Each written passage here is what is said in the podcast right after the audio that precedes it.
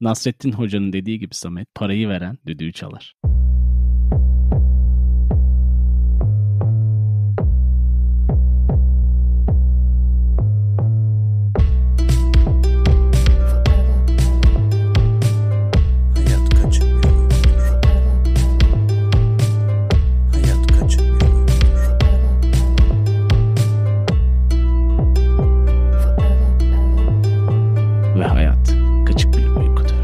HKBU Podcast'in bir başka bölümüyle sen dinleyenin karşısındayız. Her zaman olduğu gibi İstanbul ekseninde ben Cihan, Kuzey Kaliforniyalarda ise sevgili Samet var. Merhaba Sametçim. Ne var ne yok yine polarını içiyorsun gibi orada. Vallahi yine asitli masitli alengirli bir şeyler içiyoruz sevgili canım. Sıfır kalori diyor ama bakalım doğru mu değil mi onu da bilmiyoruz tabii.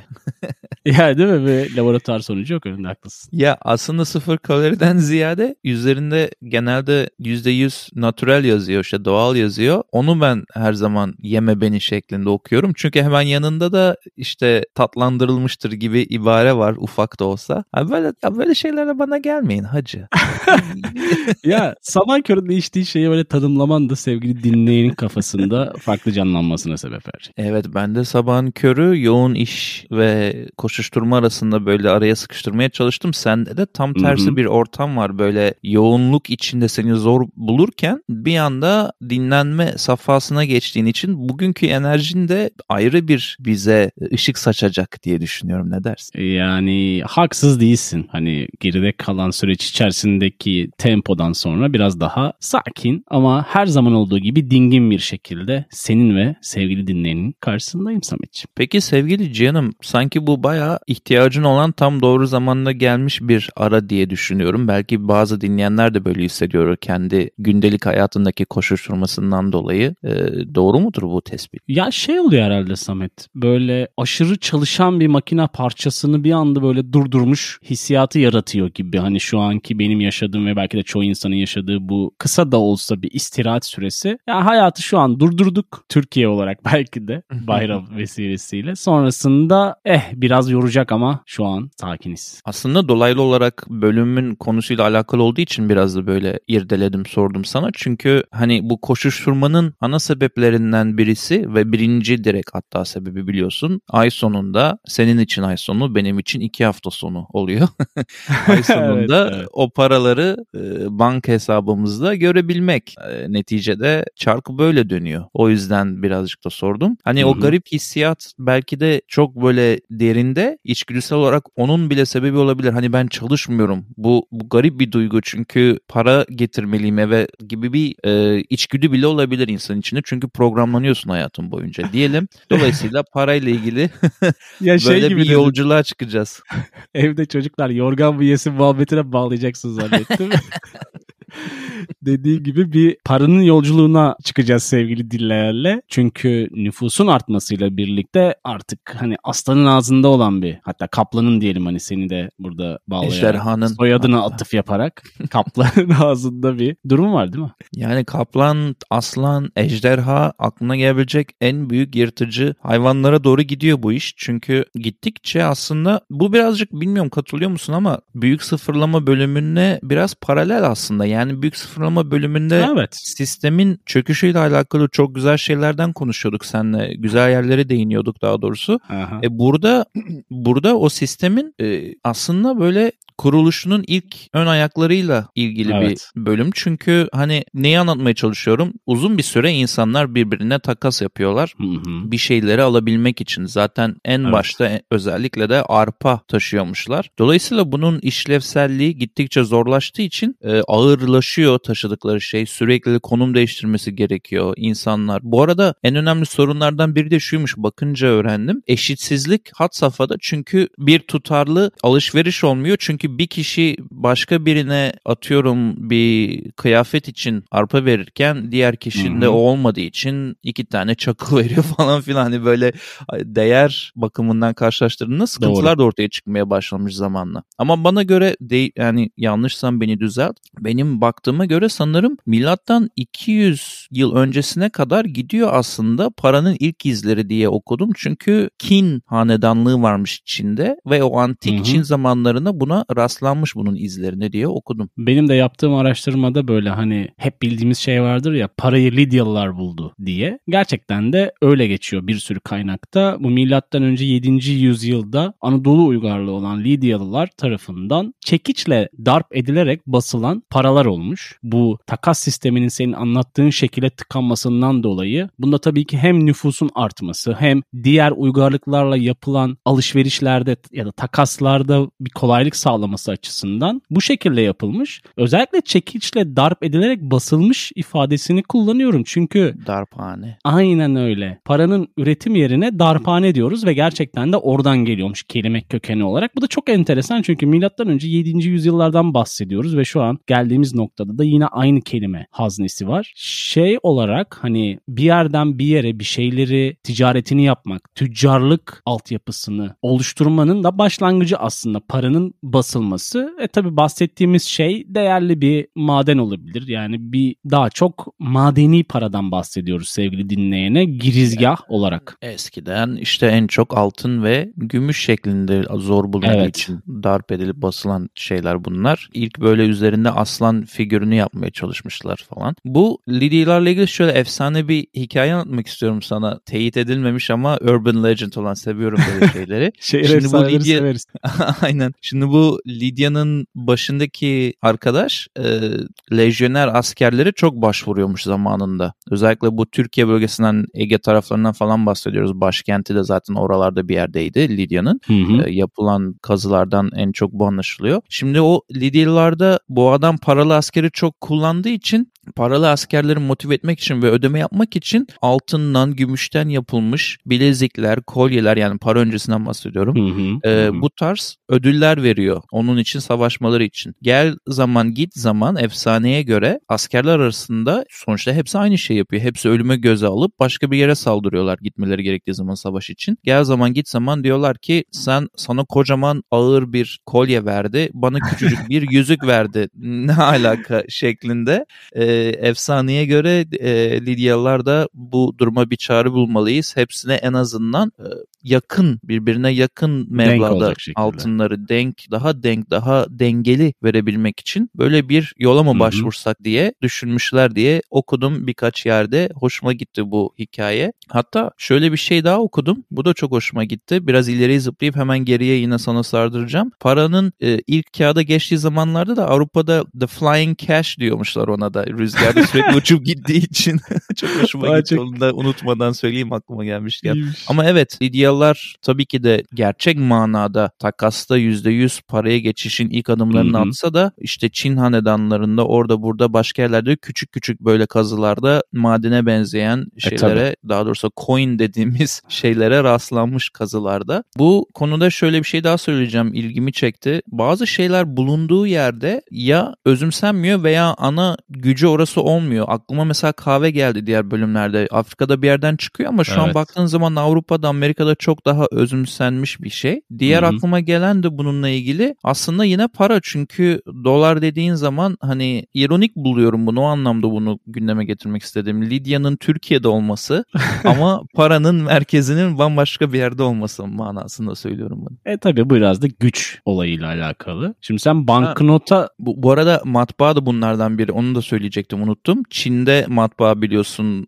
çıkarken daha sonrasında Avrupa'da benimseniyor, özümseniyor. Çok daha o hı hı. E, iler, ilerleniyor falan. Hatta Osmanlı buna çok geç giriyor falan filan. Bu da güzel bir örnek. Bu başka bir yerde bulunan şeyin dünyanın başka bir ucunda özümsenip merkezi haline gelmesi. Banknota değindin. Banknota değinmişken şunu da ifade edelim. Hani madeni paranın bulunması ve banknot sistemi tarafına geçiş arasında da yüzyıllar var. Milattan sonra 6. yüzyılda Çin tarafı buna geçiyor. Çin tarafı aktif zaten. Ticaret o dönemlerde aslında şu anda da sanki biraz öyle. Hani Çin tarafından dönüyor. Bu hani pandemiyle beraber biraz sekteye uğrasa da Avrupa'da para ilk defa 1661 yılında İsveç'te, Amerika'da ise 1690 yılında basılmış. Baktığımızda biraz geç gelmiş gibi gözüküyor. Hı hı. Öte yandan da hani bu coğrafyalara doğru yol alırsak yani Türkiye tarafına, Anadolu tarafına dünyanın ilk büyük darphanesini de Fatih Sultan Mehmet İstanbul'da Şimkeşhane diye bir yerde kurmuş. Bu Fatih taraflarında olan büyük bir binadan bahsediyoruz sevgili dinleyen. İsveç bu arada aynı zamanda ilk Merkez Bankası'nı kuran duran bir yerde olmuş oluyor aynı zamanda senin verdiğin bu küçük enstantane ekleme yapalım. Hı hı. Ee, Avrupa'da 1200-1300'lerde İtalya'da florin diye demir parasının meşhurlaşmaya başladığı zamanlar oluyor. İtalyanlar biraz daha erken özümsemeye çalışmışlar. Benim notlarıma göre bunu da e, kağıda almışım. Hı hı. Peki hani şey, maden ve kağıt para diyoruz ama şu Başka an hepimizin evet şu an hepimizin en çok başvurduğu plastik şeklinde cebimize giren kartların da ilkinin ta 1946'lara kadar dayandığını ben şahsen bilmiyordum bölüm öncesi. Hatta adını da Charge It koymuşlar. Sonra bu Charge It ortaya çıktıktan sonra ilk defa başka bir isme geçiyor bankalarla ilişkilendirilince. Adı Bank Amerikart oluyor. Gerçekten çok yaratıcı. Hmm. Ee, Yani, ve basit. burada ilginç bir küçük bir şey daha eklemek istiyorum. Yıllar sonra Bank Amerikart ne oluyor? Visa Bank. kart oluyor. Ha Visa kart oluyor. Ya şey çok enteresan. Değişik ödeme metotları varmış. Hani şimdi biz paradan bahsediyoruz ağırlıklı olarak. Hani madeni kağıt ya da şu Hı hı. an karta değindin sen. Şey ödemesi yapılıyormuş. Tuzla ödeme yapılıyormuş. Çünkü Evet. tuz çok zor hani çıkartılan değerli bir şey ve ömrü uzun olduğu için hem de taşınması da kolay sevgili dinleyen. Ondan dolayı tuzla çok ödeme yapılıyormuş. Hatta bir tane kelimenin altyapısı oradanmış biliyor musun Samet? Salary var ya. Evet, salary evet. kelimesi tuzdan geliyormuş Salt- aslında. Hani. salttan mı Evet, geliyor? Çok enteresan. Çok iyi. hani her şey, şey gibi komplo teorisi gibi oldu. Her şey birbirine bağlı durumu oldu ama bu bu not çok hoşuma gitti. Özellikle bunu paylaşmak istedim. Çok iyiymiş. Ee, bu benim de aklıma şunu getirdi. Lidyalılarda para öncesinde sen her şey farklı şeylerle ödeniyor deyince buğday Aha. e, buğday da insanlara ödeme yaparken ölçüm aracıymış. Mesela altın sikkeleri verirken 168 buğday ağırlığına denk gelecek şeklinde diye bir emri olmuş Lidya'da e, yönetenin. Ya böyle çok ilginç zamanlardan geçirmiş ama burada aslında biraz da konuşmak istediğimiz başka bir şey daha var benim seninle ve dinleyenle. Sanki bu konuştuğumuz bütün örneklerde paranın ortaya çıkışı ve aslında bir sisteme dönüştürülmeye çalışmasının amacı onu bir araç olarak kullanmak, bir kolaylık Evet. sağlamak, bir Hı hı. e, bir ödeme formu olarak, bir araç olarak sağlamak. Evet. Şurada böyle bir eleştiri yapıp sana sormak istiyorum fikrini. Sanki zaman için özellikle 1900'lerde bu araç olarak ortaya çıkarılmaya çalışılan şey amaç olmuş gibi maalesef katılıyor musun onu merak ettim. Ya zaten sistemin bir tarafında da başarmak istediği şey o diye düşünüyorum ben. Evet bence doğru bir tespit bu senin söylediğin. Çünkü baktığın zaman bir merkeziyetçiliği sağlıyor. İşte zaman içerisinde sen dedin ya hani altın ya da gümüştendi hani bu basılan madeni paralar. Sikkeler vardı mesela Osmanlı'da da ya da diğer toplumlarda. Şu anda mesela elimizde bir kağıt parçası var. Bazen hatta şey tamamen dijital mesela. Di- Bir şeyler dijital geliyor dijital gidiyor. Ya da elindeki bir kağıt. Bu şey gibi aslında devletlerin ya da merkez bankalarının sana verdiği bir tahvil bonosu gibi bir şey aslında. Yani senin Evet. ne bileyim Türk lirası Amerika'ya gittiğim zaman geçerli bir para birimi değil sonuçta ama altın her türlü geçerli. Günümüzde de aslında benzer temel öğeler aynı ama her nüfusun artması en temel sebep. Bu kadar insana yetecek doğal kaynağın olmaması ya da ticaret ilişkilerini bir şekilde dengelemek. Bunlar yani gözüken şey zaten hani milyarlarca insan oldu ve onunla beraber de şu an geldiğimiz nokta geçen bölümlerde değindiğimiz mesela cryptocurrency, kripto para birimi. Yani hani iş Aynen. ilerleyerek devam ediyor gibi gözüküyor. Bu, ara- bu arada cımbızla çekeceğim kurduğun cümlelerden birkaç kelimeyi. Milyarlarca insan olması dediğin kısmın altını çizeceğim. Çünkü önümüzdeki bölümlerde şiddetle konuşmak istediğim başka bir konuya ufaktan böyle bir atıfta bulunmuş oldun. Çünkü nüfus artışı da benim konuşmak istediğim ciddi konuların arasında. E, hatta bayağı tartışılan bir konu aslında şu anda. E, Bilim tabii. dünyasında, istatistik dünyasında biraz böyle Hı hı. karar, iç karartıcı bir yere doğru gidiyor gibi geliyor bana. Onu konuşuyoruz Evet. ama bağlantısı var parayla yüzde yüz. Bir de devletlerin dışında insan olarak da araçtan amaca dönmesi e, çok brutal bir seviyeye geldi. Hani şu an hayatını parayı yükseltmekten başka hiçbir şeye adamamış insanlar olması da üzücü. Çünkü sen de ben de dinleyen de biliyoruz ki başka çok daha güzel değerler de var peşinden koşulabilecek. Ama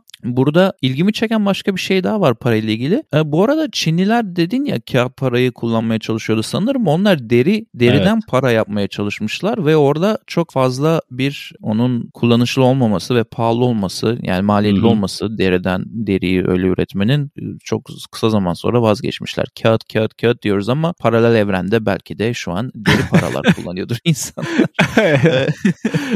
Ee, şey diyecektim ama şimdi bu paraların üzerine, kağıt paraların üzerine yapılan sembollerin, seçilen sembollerin hep tartışılmış olması ve önemi de çok hoşuma gitti bölüme Hı hı. bakarken. Çünkü mesela Atatürk'ün paranın üzerinde olması, sonra onun vefatından sonra İnönü'nün paranın üzerinde olması, sonra onun sonrasındaki dönemde bu yasanın değişip bu böyle gitmez sadece kurucu olsun ve onun dışında kültürel olarak değer olanlar olsun. Hani devlet her Hı hı. seçildiğinde devlet adımın olmasın demesi falan. Böyle çok tartışılmış para aslında sadece alışverişte önemli bir şey değil. Sembolik olarak her ülkenin Kesinlikle. kendi parasının üzerine ne koyacağı da çok önemli. Yasalarla, tartışmalarla falan e, kafa yorulan bir şey. E, hatta sanırım düzelt yine beni yanılıyorsam Türkiye'de galiba yeni bir banknotun çıkma söylentileri var ve bu söylentilere bağlı olarak da üzerinde hangi e, semboller olsun veya kişiler olsun gibi söylentiler de var diye zaman zaman gündeme gelen bir şey görüyorum. Ne kadar doğru bilmiyorum. Yani şu anki ekonomik durum itibariyle Türkiye'de şu an şu an dinleyen dinleyici 2022 senesinin ilk çeyreğinde 200 lira var Samet banknot olarak ki ya şu an şey gibi olacak böyle hani mevcut duruma ağlıyor gibi olacak ama yani gerçekten 200 liraya alabildiğin şey sayısı o kadar az ki. Yani Amerika'da Yok, mesela değil. Yani Eskiden 100 gerçekler. dolar ya mesela şimdi Amerika'da 100 dolar alabileceğin o kadar çok şey var baktığında markete gittiğin zaman. Al al bitmez ama burada E, tabii 200 lira en yüksek banknotla alabileceğin şey sayısı çok limitli. 500'den o yüzden mi bahsediyoruz bu durumda? belki de yani 400 olmayacağına göre 500 lira herhalde. yani o çok Yani- net değil bu arada da Hı hı. olma ihtimali var. Devam. Şimdi bir tanım hoşuma gitti benim araştırırken. Para özellikle savaş zamanları için çok önemlidir şeklinde bir not Hmm. okudum. Bu gerçekten doğru. Şu an günümüzde baktığımızda aktif devam eden bir Rusya-Ukrayna savaşı var. Ve Rusya'nın Rus savaş. e tabi bu bir taraftan ekonomik savaşa doğru evriliyor. Bu Birinci Dünya Savaşı'nda şöyle olmuş İngiliz tarafında. Şimdi borçlanabilerek yönetme durumuna geçmiş İngilizler. Hani olmayan parayı borçlanarak bir şekilde tolere etmişler ve bunu 10 kat şeklinde yapmışlar. Yani normal İngilizlerin bir birim parası varsa 10 birim borçlanarak yapmışlar. Bunu da kurdukları banka, Merkez Banka sistemiyle yapmışlar. Bu sistem Osmanlı'da olmadığı için Osmanlı ne kadar parası varsa o kadar harcayabilmiş. Ne bileyim Yeniçerilerin Hmm. parasını ödeyememiş mesela. isyan Anladım. çıkmış ve benzeri durumlardan bahsediyorum. Baktığında Ama Yeniçeriler sanki isyan için mazeret her, Ya. her isyan için. Şimdi bizim tarih tarih de biraz yüzeysel biliyorsun okullarda öğretmen. Yeniçeriler hep isyanı var mesela Osmanlı tarihinde baktığında. Böyle hani ya bu kibrit çakmıyor deyip isyan ediyorlar gibi bir algı algı var tarih kitaplarında ki olabilir de bilemiyorum. Tarihçi değilim yani. diğer diğer taraftan da savaştan çıkarsak hani günümüz savaşında insanlar ekonomik olarak net olarak görebiliyor. Dünyaya etkisi ve mevcut devam eden ülkeye etkisi açısından, Rusya'ya etkisi açısından. Bir de 14. yüzyılda Floransalılar ve Venedikliler ya demişler ki biz İslam coğrafyasıyla biraz ticaret yapalım. Orada bir hacim var. Oraya doğru yönelelim demişler. Ve bu neyi sağlamış biliyor musun Samet? Bankacılığın temellerinin ortaya çıkmasını sağlamış. Hmm. Süreç sonucunda hem halka borç verebilen, bunu tüccarlar veriyor tabii ki, hem de krallara borç verebilen bir sistem oluşmaya başlamış ve bununla beraber işte günümüze kadar gelen bir bankacılık sistemi gelişimini sağlamış diye okudum ben. Çok da mantıklı geldi. Belki de o bankacılık sistemi bugünden sonrası için konuşacağımız yeni para birimi olma adayı olan Bitcoin ile tamamen işlevsel bir hale de gelebilir bir 50 yıl 100 yıl sonra. E zaten şeyde geçiyor artık yani hani İşlevsiz bir hale gelebilir. geçen 50 bölüm yıl 100 geçen bölümde değindik gerçi Bitcoin'e detaylıca. Yani daha doğrusu şeye değindik. Nakamoto'ya değindik hani daha çok ama orada da Bitcoin'e biraz dokundurduk. Şey var yani tanımlamalar içerisinde hani paranın evrimi içerisinde en son segmenti Bitcoin olarak gösteriyor bir sürü kaynak. O yüzden dediğin Hı hı. çok mantıklı ve temelli. Benim için en büyük dönüm noktasından birisi para için dünyadan dünyada para için yine bu büyük sıfırlamada konuştuğumuz birazcık değindiğimiz daha doğrusu Bretton Woods'ta 1944'te 44 ülkenin temsilcileriyle yapılan Bretton Woods'a düzenlenen evet. konferans benim adıma dönüm noktası. Çünkü hmm. paranın sistemi geliştiriliyor orada ve bu sistemde altın fiyatı Amerikan dolarına karşı sabitleniyor. Bu inanılmaz önemli bir nokta. Şu an hepimizi hani o gün doğmamış olan, doğmuş olan, şu an yaşayan herkes etkileniyor birinci dereceden o konferansta toplanan insanların aldığı kararlardan dolayı. Ama İlginç. sonrası da var onun. Evet Sonra, sonrası da var. Evet onu da söyle. Amerika yine yer altına gömelim böyle hani mezar açıp içine atalım. Gömelim ya. Gömelim sana bırakıyorum. Şimdi senin bahsettiğin şeyde ne var? Her üretilen para için Merkez Bankası'nın bir altın rezervi var. Bu altın rezervine göre para basabiliyor ya da değerleniyor Hı. parası. Ama Amerika ne yapıyor Samet? Bundan diyor ki ya ben yeter diyor yani dünyayı sırtımda mı taşıyacağım? Ben bundan çıkıyorum diyor. Bundan çıktıktan sonra da global markette aşırı dalgalanmalar oluyor. Hı. Çünkü bir değerleme olamıyor vesaire. Belki yeni yeni buluyor yerini ya da bulamadı Amerikan doları. Ama Amerika'nın buradaki kaygısı kontrol mekanizmasını tamamen kendisinin belirlemesi ve ne bileyim aynı seri numarasıyla belki 20 tane banknot basıp dünyanın her tarafında gezdirmesi. Sen daha iyi bilirsin bu işleri. ben şunu söyleyecektim ama 1944 çok yakın bir tarih. Düşündüğün zaman 60 70 80 yıllık bir dönüm noktası bu ve sonrası. Evet. Ee, diğer dönüm noktası da benim için 2008'deki krizdi. Orada hala doların tek bir ülkede çökmesinin bütün dünyada nasıl bir domino taşı etkisiyle çökmeye sebep olduğunu görmek açısından e, önemliydi diye düşünüyorum. Ve bunun tekrarlanma ihtimalinin de gayet kuvvetli olduğunu da düşünüyorum ilerisi için. Yani ee, bunun için zaten bir bölüm yaptık. Büyük sıfırlama bölümüne sevgili dinleyen aslında şey biz genelde ters bir podcast olduğumuz için böyle kıçından yapıyoruz başına doğru gidiyoruz ya. Eğer sevgili dinleyen bu bölümü ilk dinliyorsa büyük sıfırlamaya doğru yavaş yavaş ilerleyip onunla böyle bağlantılı olarak dinleyebiliriz Samet ne dersin? Evet yeni yeni dinleyenler için aslında gayet güzel bir sıralama oldu canım. Nereden baktığına bağlı. Eski dinleyenler için biraz ters dediğin gibi ters bir gidişat oldu. Ama yani mesela La Casa del Papel gibi dizilerin tutmasının sebebi de bence alttan alta yine içgüdüsel olarak paraya ve sisteme olan o ağır eleştiri. Yani orada sadece evet. işte action, banka soyduk bilmem ne e, love story'ler falan değil de aslında birçok insanın daha doğrusu kitlesinin daha da büyümesinin sebebi aslında sisteme eleştiri. Orada kaç kere hatırlamıyorum e, bankın içindeki para değil önemli olan verdiğimiz mesaj veya Hı-hı. yaptığımız şey önemli olan diye bin kere tekrarlıyor elemanlar. Her karakter söylüyor bunu. Orada belki izleyen bölümü izleyen insanın ona bağlanmasının bir nedeni de kanımca bu senle başından beri konuştuğumuz bu sistemin aslında göz göre göre artık çökmeye başlaması ve insanların artık bunalması bu döngüden. Dolayısıyla hem kriptonun önü açık olabilir bu manada. Evet. Eğer sağlam temellere dayanarak devam ederse Muhakkak. hem de bir ülkenin ekonomisi kötü diye bütün dünyanın fakirleşmesi döngüsünden de çıkabilirsek gerçekten dadından yenmez. O zaman şu sözle bölüme ufaktan veda diyelim. Nasrettin Hoca'nın dediği gibi Samet parayı veren düdüğü çalar. Ne öneriyoruz kısmıyla bir kez daha sen dinleyin. Karşısındayız. Her zaman olduğu gibi bölüm özelinde ya da günlük akış içerisinde oluşan bazı önerilerimizi sizinle paylaşacağız ve sevgili Samet karşımda hazır. O zaman ben de ne öneriyoruz çok önemli bir meşhur bir söylemle başlayayım sevgili ünlü düşünürümüz Abba money money money demiş.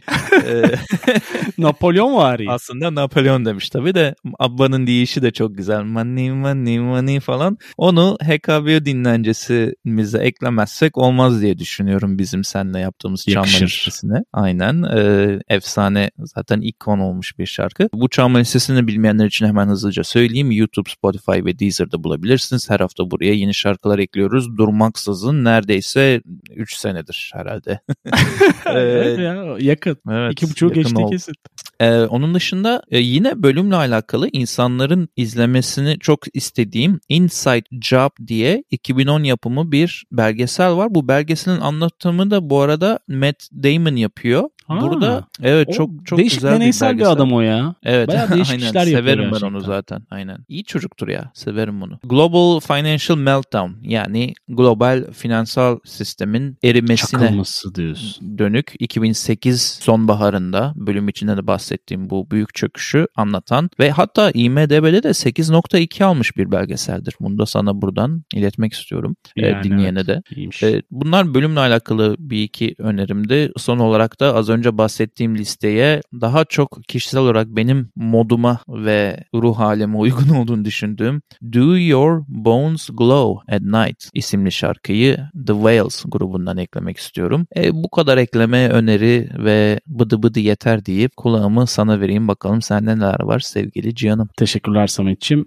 Bende bir film inanmazsın. İki de şarkı Hmm. var. Bu aralar Mubi'ye biraz fazla sardım ya da sarmaya çalışıyorum diyelim Mubi platformuna. Daha nitelikli ve festival filmleri diyebileceğimiz. Orada şey var. Bu pandemi zamanında çekilmiş olan Seni Buldum Ya diye bir film var. Pandemi zamanı dememin sebebi böyle oyuncular evinde çekmişler. Kendi imkanlarıyla ve bir kurguyla beraber senaryo üzerinden ilerlemiş. Değişik bir dolandırma hikayesi. Serkan Keskin ve bir sürü oyuncu da var. Tavsiye ederim sevgili dinleyene ve sana deneysel olduğu için. İki tane de şarkı var. Bir tanesi Francois Hardy'den Common de Diradu diye bir Fransızca şarkı.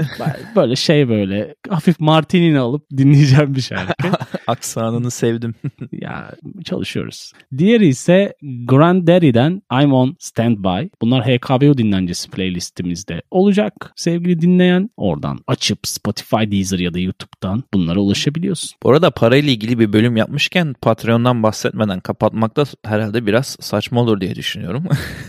ya patronlarımızı es geçmek olmaz haklısın. Aynen. Ya patronlarımız olmak isteyenler için veya e, Patreon'dan birazcık bize destek olma, olmak isteyenler için hkbupodcast.com adresinde de Patreon'a ulaşmak için linkleri bulabilirler diyelim. Aynen öyle. Ayrıca hkbpodcast.com üzerinden bize ulaşabiliyorlar, üye olabiliyorlar. Bazı dinleyicilerimizin yaptığı gibi ilave olarak da Twitter, Instagram ve Facebook üzerinden de 724 bize ulaşabiliyorlar. Aynen öyle. Valla bol paralı ve bol sağlıklı günler diliyorum hepinize. Bizi dinlediğiniz için çok teşekkür ederiz. Bir önceki, bir sonraki, ortalardaki bölümlerde bir yerlerde buluşmak üzere diyelim. Hoşçakalın. Hoşçakalın.